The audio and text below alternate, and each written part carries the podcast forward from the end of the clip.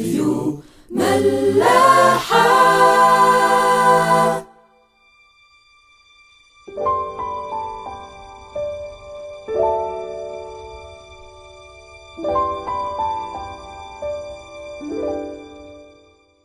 مساء الخير. أهلا بيكم في حلقة جديدة من برنامج عيش وملح. النهاردة هنبدأ مع بعض نتأمل في آيات المزمور العاشر وهقرأ معاكم الآية واحد واتنين يا رب لماذا تقف بعيدا؟ لماذا تختفي في أزمنة الضيق؟ في كبرياء الشرير يحترق المسكين يؤخذون بالمؤامرة التي فكروا بها. هللويا. في البداية أنا كنت عايز أقول إن المزمور التاسع والعاشر مرتبطين ببعض ارتباط وثيق جدا وهم تقريبا بيتكلموا عن نفس الموضوع. يعني في ناس بتعتبرهم كده من حيث المعنى لكنهم مزمور واحد. نفس الكلام ونفس الشكوى اللي بيشتكيها داود من الأشرار ومن ال- الضغط اللي عليه من الناس اللي بتضطهده أو من الأشرار عموما. فهو في البداية ابتدى المرة دي في المزمور بداية مختلفة شوية أكنه بيصرخ لربنا بيعاتبه وبيعاتبه من وهو في حالة مضنية جدا وبيقول له يا رب لماذا تقف بعيدا؟ أكنه زعلان منه بقى. يعني انت يا رب واقف بعيد عننا ومش حاسس بينا في وسط الضيق اللي إحنا فيه ده كله. وقال له لماذا تختفي في أزمنة الضيق؟ ودي كلمة كبيرة قوي. لماذا تختفي في أزمنة الضيق؟ يعني هو كان واصل لمرحلة إن هو مش حاسس بوجود ربنا. كلمة تختفي دي كلمة يعني اللي يتأمل فيها ويفكر كده في إحساس داود وهو بيقول لربنا رب أنت مختفي. واحد زي داود طول عمره عايش مع ربنا ومتلامس مع ربنا وحياته كلها عبارة عن صلاة وتسبيح. لما يقول لربنا لماذا تختفي في أزمنة الضيق؟ معناها حاجات كتير قوي. معناها إن هو بيصرخ لربنا بيعاتبه من كتر الألم اللي هو شايفه والضغط اللي هو شايفه. وكمان معناها إنه هو عارف ربنا لما بيكون موجود في التجربة قد إيه بيبقى مغطي على الإنسان ومدي الإنسان فرح وسلام حتى وسط التجربة. واللي كان يتابع المزامير الأولانية كلها دايما كان داود بيتكلم عن السلام اللي وسط التجربة. وقد إيه ربنا كان بيديله نعمة وبيديله فرح وسلام في أشد المواقف صعوبة في حياة داود لكن هنا هو بيصرخ وبيقول له يا رب لماذا تختفي في أزمنة الضيق؟ أنت أنا مش حاسس بيك خالص. الإحساس اللي كنت بحسه على طول معاك وأنا في الضيق وفي التجارب أنا مش حاسه دلوقتي. وحتة العتاب مع ربنا لو فكرنا فيها يعني المسيح نفسه اشتكى من وسط ضيقه على الصليب. قال إلهي إلهي لماذا تركتني؟ وبالتالي لما داود هنا يقول يا رب لماذا تختفي في أزمنة الضيق؟ يمكن ناس تتخض شوية من الكلمة وتقول إزاي داود يقول لربنا كده وإزاي بعد كل اللي ربنا بيعمله معاه أو معانا أو مع أي حد فينا إزاي نقدر إن إحنا أو إزاي يقدر داود إن هو يكلم ربنا بالطريقة دي؟ لكن أنا في اعتقادي إنه ربنا مش هيكون متضايق من إن حد يكون بيعاتبه خصوصا لو هو في وسط مشكلة كبيرة وضيق عظيم أو ضغط كبير جدا تجربة شديدة جدا ربنا مش هيكون متضايق من إن حد يصرخ له صرخة استغاثة أو صرخة ألم ويعاتبه حتى ويقول أنت يا رب ليه واقف بعيد؟ بس اللي ممكن يضايق ربنا إن إحنا نكون فاهمين أصلا ربنا بيتعامل معانا في التجربة إزاي؟ يعني لو أنا موجود في ألم وضيق وبصرخ لربنا وبعاتبه له يا رب أنت فين؟ أنت أنا مش حاسس بيك أنت ليه متأخر عليا؟ ليه مش إيه ليه مش بتتدخل؟ كل ده مقبول عند ربنا لكن بشرط. الشرط إن هو أكون فاهم إنه ربنا مش هو اللي بيجربني. ربنا مش هو مصدر الضيق اللي أنا فيه أو مش هو مصدر الألم اللي أنا فيه. كتير ناس بتتلخبط ما بين إن ربنا ليه سلطان على كل شيء وإن هو الآمر الناهي لكل اللي بيحصل في حياتنا ودي حقيقة لازم نكون كلنا مصدقينها إن ربنا فعلا ليه سلطان على كل حاجة بتحصل لنا. لكن على قد ما سلطان الله على كل شيء وعلى كل انسان وعلى كل الخليقة ده حقيقة ومبدأ لازم نكون متبعينه على قد ما في فعلا مبدأ تاني لازم نكون مصدقينه.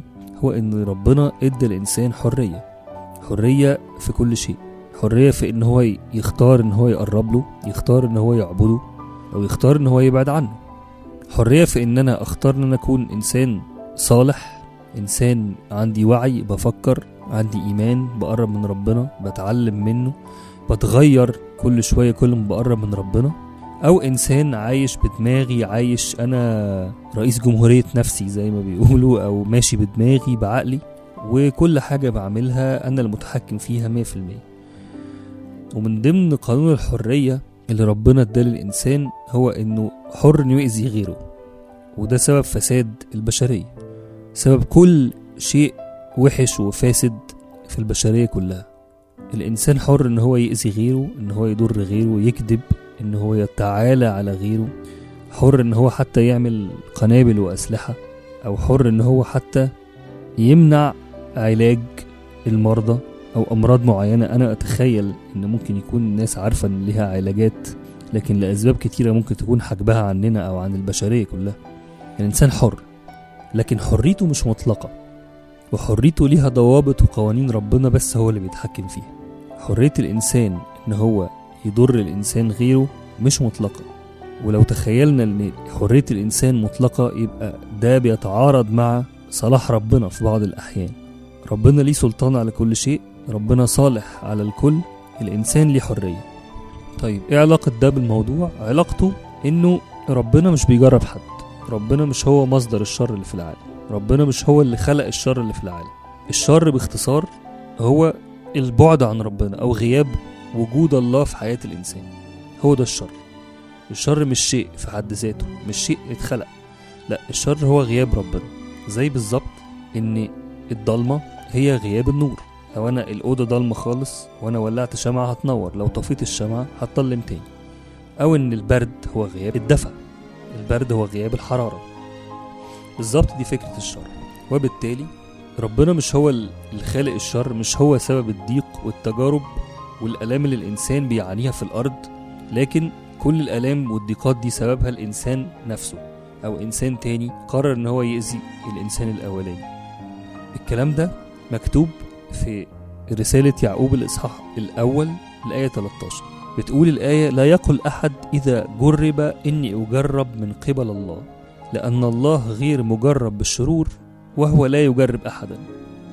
الله لا يجرب أحد في كمان آية مهمة جدا بتتكلم في نفس الموضوع موجودة في كورنثوس الأولى الإصحاح العاشر. بتقول لم تصبكم تجربة إلا بشرية. واضحة. ولكن الله أمين الذي لا يدعكم تجربون فوق ما تستطيعون بل سيجعل مع التجربة أيضا المنفذ لتستطيعوا أن تحتملوا معناه إيه الكلام ده؟ باختصار الخلاصة يعني إنه ربنا مش بيجرب حد ربنا بيسمح بالتجارب لكل إنسان بيسمح إن ممكن حتى إنسان يأذي إنسان لكن بحدود. وكمان لما بيجرب أو بيسمح بإن هو يجرب إنسان بيسمح بالتجربة دي بس بكمية يقدر هذا الإنسان إن هو يحتملها. وده مبدأ مهم جدا في حياة كل إنسان إنه ربنا مش بيدي حد تجربة فوق ما يستطيع. ده موضوع مهم جدا لازم كل واحد مننا بيعدي في ضيق أو في ألم يكون متأكد إن ربنا مش هيديله فوق احتماله لأن ربنا مش هدفه إن سمح للإنسان بتجربة أو ضيق إنه يهلكه بل بالعكس هدفه إن هو يزكي إيمانه هدفه إن هو يعلمه حاجة جديدة هدفه إن هو يقرب ليه يختبر حضور ربنا بنعمة وبسلام وبحل للمشاكل كمان بحلول عظيمة. هو ده هدف ربنا من إن هو يسمح بالتجارب. لكن ربنا مش بيجرب حد لأنه ربنا ما يعرفش الشر ومش هو خالق الشر. أتمنى إن إحنا ناخد بالنا كويس قوي من المبادئ اللي اتكلمنا فيها في الحلقة دي لأن دي مبادئ مهمة جدا وقوانين ربنا حطها وموجودة في الكتاب المقدس علشان تعلمنا إزاي نقدر إن إحنا نعيش حياتنا مع ربنا وإزاي إن إحنا نقدر إن إحنا نعدي بأزمات وضيقات وتجارب. وإحنا طالبين انه ربنا يكون حاضر في وسط التجربة وإن هو يكون مدينا سلام ونعمة نقدر بيها إن إحنا نتغير ونتقوى ويزيد إيماننا مع كل تجربة بتعدي علينا. الترنيمة اللي أنا اخترتها النهاردة ترنيمة وسط التجارب. الترنيمة دي ترنيمة عملتها ملاحة ترنيمة جميلة جدا. نسمع كلامها مع بعض وبصلي لكل واحد فيكم إن ربنا يكون معاه. تصبحوا على خير وأشوفكم الحلقة اللي جاية.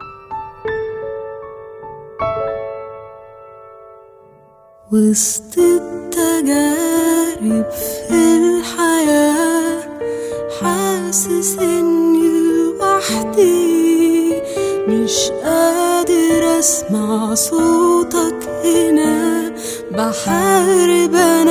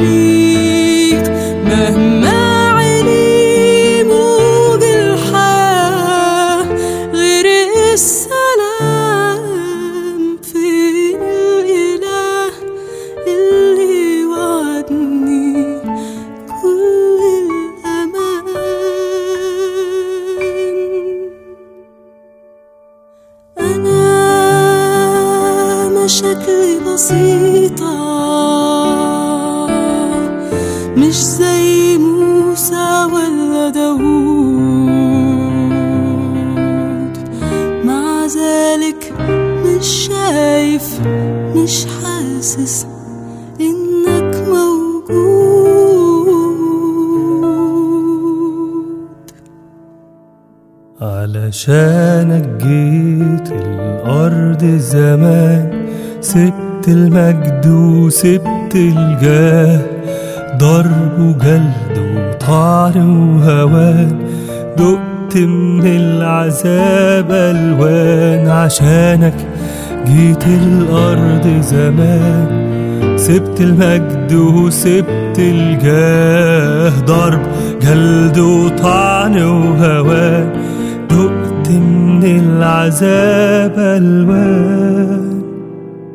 أنا الإله اللي عمل من البحر طريق أنا الإله اللي هزم أقوى العماليق أنا كل ليك وأنت ليا. أغلى حبيب مهما تبعد أفضل أنا. أوفى صديق. في طريقك أنا كنت ملازمك وقوعك أنا اللي سندتك مع ذلك مش شايف مش حاسس إني موجود. وسط التجارب في الحياة هفضل دايما جنبك. اديني الهم وكل الآلام وهحارب أنا عنك وسط التجارب في الحياة هفضل دايما جنبك. هديك الهم وكل الألام. وهحارب أنا عنك